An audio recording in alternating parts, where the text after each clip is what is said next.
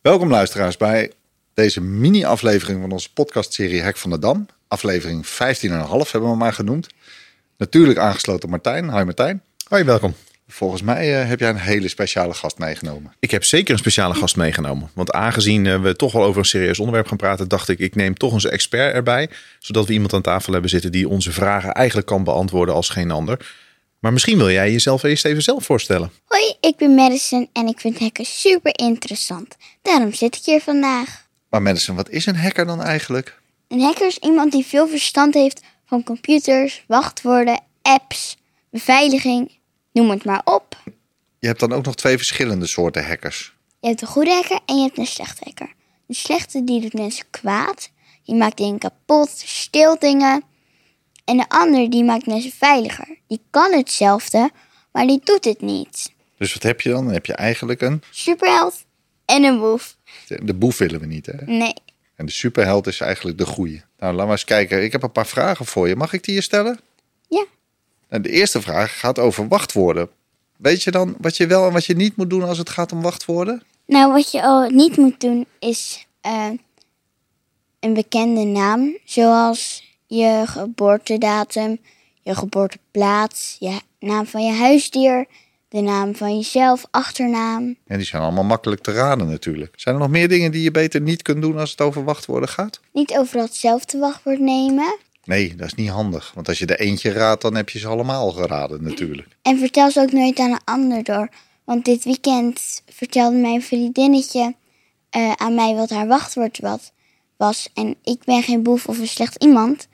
Maar als ze het bij de verkeerde had verteld, dan had ze echt een groot probleem. Ja, dat is niet slim natuurlijk. En dan zat ik te denken, Madison, jij zei net, neem geen bekende dingen in je wachtwoord. Maar hoe komen die hackers daar dan achter wat ze bijvoorbeeld van jou moeten weten? Social media, TikTok, het internet en dat soort dingen. Ze gaan eigenlijk op zoek naar informatie van jou voor die wachtwoorden dan. Ja.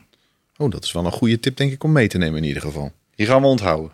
En nooit dezelfde wachtwoorden. Nee, dat zei je al. Dat is heel belangrijk. Want ja, als je de een raadt, Dan kan je de ander ook gelijk ja, raden. dan raad je de ander ook. Dus overal een verschillend wachtwoord, zeg jij. En wat moet je juist wel doen? een wachtwoordzin. Bijvoorbeeld, om half vier eet ik graag ketchup met appelmoes.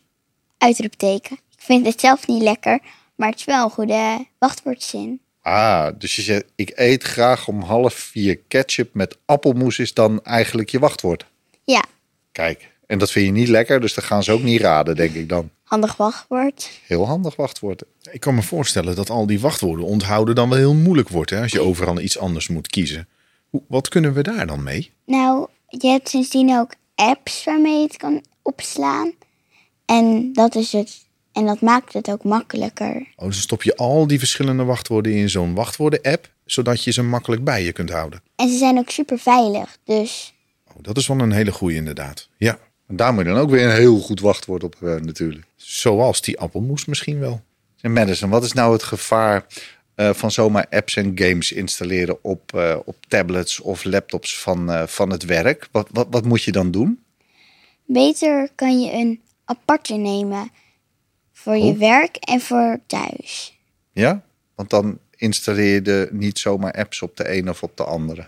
Nou, het gevaar eraan is als je het bij je laptop van je werk of tablet, als het gaat lekken of je hebt een verkeerde app, want hackers kunnen het heel makkelijk namaken, dan eh, lekt misschien ook wel informatie van het bedrijf. En dat is het gevaar. Ja, dat wil je natuurlijk niet. En als je nou twijfelt of een app wel of niet veilig is, hè, want soms is dat toch wel lastig te zien, denk ik, voor kinderen.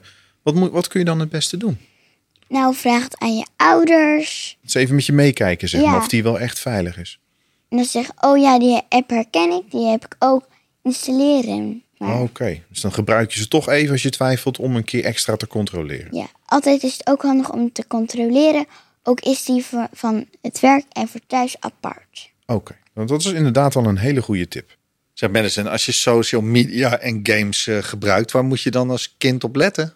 Nou, ehm, doe niet belangrijke informatie delen over jezelf of van je familie. Nee, dat is niet handig. Want dan, wie, wie gaat er dan met je meekijken? Eh, het internet, hackers. Die kunnen dat allemaal zien. En wat, wat voor belangrijke informatie bedoel je dan? Zoals je adres, je naam, je achternaam, je telefoonnummer en dat soort dingen. Ja, dat is inderdaad wel slim om nooit aan mensen zomaar te geven, nee. hey, en eh, nog andere dingen waar je op kan letten? Als iemand je toevoegt in een game of een app, vraag dan eerst aan diegene: hey, ben je het echt? En eh, als je het niet weet, of diegene zegt: ja, ik ben het echt. En diegene doet toch niet wat je denkt of wat je gewend bent van diegene, vraag dan eerst even na bij je ouders. Maar zijn er dan dus mensen die zich dan voordoen als iemand anders om jou eigenlijk toe te voegen in zo'n game De of app? hackers. Ja, dat is inderdaad wel gevaarlijk dan. Dus even controleren, zeg jij. En anders altijd navragen bij je vader of moeder. Ja, en als je het niet weet of ze zeggen nee en eh of ze zeggen weer ja, maar je denkt nee, dit is toch niet handig. Zeg dan nee, doe het dan gewoon niet. Dat is een duidelijk advies inderdaad. Bij twijfel niet doen, zeg jij. Of spreek dan iets met diegene af. Wordt er op school dan genoeg aandacht besteed aan cyberveiligheid? Helaas wordt het nog niet op school behandeld. Oh, en waarom dan niet? Omdat er te weinig tijd is in het lesprogramma. Maar het is wel een heel erg belangrijk onderdeel. Dus elke klas en elke school moet er wel tijd voor maken. Ook voor later. Maar zouden de, de, de leraren en leraressen dat dan niet gewoon kunnen doen? Of zie je daar ook nog wel een probleem? Het probleem daarvan is dat de leraressen en leraars... eh, die kunnen misschien het verkeerde zeggen. Zijn die daar misschien ook nog niet zo goed in opgeleid dan? Ja, en zijn in een ander vak opgeleid en niet in dit vak. Daarvoor moet je een professional vragen of inhuren. Zo'n iemand die er echt verstand van heeft eigenlijk om voor de klas dat goed uit te leggen. Ja. En dan leren die meesters en juffen er denk ik ook nog wat van. Ook iemand die ermee werkt, al jaren ervaringen in heeft. Dat is het beste. En dat is mijn tip voor de scholen. Nou, die tip voor die scholen is natuurlijk heel belangrijk. Maar wat, wat zie je dan bij andere kinderen van jouw leeftijd? Eh, zijn ze zich hier al goed van bewust? Het is heel erg verschillend. Ehm, de meeste zijn er niet echt van bewust, maar sommigen wel. En ze klikken vaak op allemaal dingen zonder dat ze erbij nadenken. En dat is het gevaar. Kan je daar misschien een voorbeeld van geven? Dan ben ik eigenlijk wel benieuwd wat je bedoelt dan. Zeker. Vaak is het zo, oh ja, die game ken ik. Ja. Er is nu een update. Updaten maar gelijk. Dan kan ik hem gelijk verder de- updaten. Maar misschien is het geen echte update. Want spelletjes geven vaak nooit een echte update. Dat is pas maar zelden. En dan denk je, oh ja, dat is een update. Maar straks hebben ze het verkeerde. En dan heb je een groot probleem.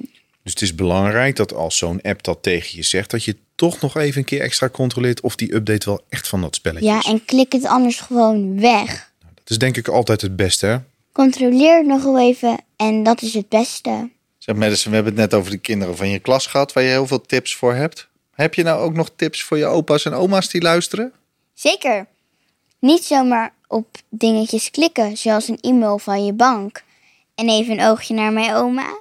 Oh, die doet dat toch niet, hè? Snel naar een ander onderdeel. Maar wat gebeurt er dan? Of waarom moet je dan nooit op een e-mail linkje klikken van een bank? De link kan nep zijn en dat kunnen hackers supergoed namaken. En dan kan je gehackt zijn en dat is het gevaar. En dan verliezen opa en oma heel veel geld eigenlijk. Ja, het is vaak een bedrag van duizenden euro's. Oh, dat is wel heel veel geld, zeg. Kun je dan nog iets, wat, wat kan je dan het beste doen als je dus zo'n e-mailtje van de bank krijgt? Wat zou jij dan adviseren? Wegklikken, zo simpel is het. En eh, ja, maar stel dat je toch iets bij de bank moet doen, hoe los je dat dan op? Controleer het eerst bij de bank. Oh ja, dus als het lijkt van de bank, maar je weet het niet zeker, gewoon de bank bellen. Ja, dat moet je altijd controleren. Madison, nou koop ik wel eens wat op Marktplaats, dus via internet. Maar moet ik dan ook nog op dingetjes letten? Zeker op betaallinkjes, tikkies. Want straks koop je nu een auto van heel erg veel geld. En ja, dan ben je al je geld kwijt. Maar dan heb je geen auto. En daar ben je niet zo happy mee. Maar dat vind ik wel interessant, Mad- Madison. Want jij, jij zegt dus eigenlijk dat je die linkjes kunnen dus ook nep zijn dan? Maken ze die dan na? Ja, nou, ze kunnen het namaken. Maar vaak hebben ze hun eigen account op Marktplaats of andere dingen. En daarmee denken ze, ja, eh, je hebt het betaallinkje nog niet gedaan. Ik heb het nog niet ontvangen. ontvangen. Kan je het even opnieuw sturen? En misschien heb je dan wel twee keer hetzelfde bedrag. En dat is het gevaar. Dus oplet op de linkjes, maar ook op gekke vragen eigenlijk van mensen. Ja, hé, hey, waar woon jij? dat is nooit een handige vraag. Geef er ook nooit antwoord op of gegevens van jezelf. Nou, we horen het alweer. Er zijn ook bij, uh, bij de jeugd een heleboel tips die, uh, die je kunt gebruiken om uh, ervoor te zorgen dat we wat cyberveiliger worden. En ik denk dat ze heel bruikbaar zijn. En ik denk dat het verstandig is om zo vroeg mogelijk te beginnen in klassen om dit aan kinderen te vertellen en om dit goed uit te leggen. Dus misschien is het handig voor scholen om juist ook wat te investeren in experts die dit ja, aan kindjes komen uitleggen. Wat jij, Martijn? Ja, daar ben ik het helemaal mee eens. En ik denk, uh, begin daarmee op scholen. Help kinderen daarmee veiliger te worden. En ik denk dat jij hebt laten zien, Madison, dat het heel belangrijk is dat je daar toch al heel vroeg mee bezig bent. Dus dank je wel dat je aan wilde sluiten bij ons. Fijn dat je onze vragen wilde beantwoorden. Ja, ik ben helemaal geholpen, uh, Jasper. Ik weet niet hoe het met jou zit. Nou, ik heb weer super tips gehoord. Dus heel erg bedankt daarvoor, Madison. Leuk dat je bent aangesloten als expert uh, van, van alle kinderen in Nederland, zomaar maar zeggen. Ja, leuk dat ik hier ook mocht zijn. En uh, ja, wat ons betreft, uh, deze mini-aflevering op naar de volgende. En uh, ja, voor de luisteraars, tot de volgende keer. しゃー。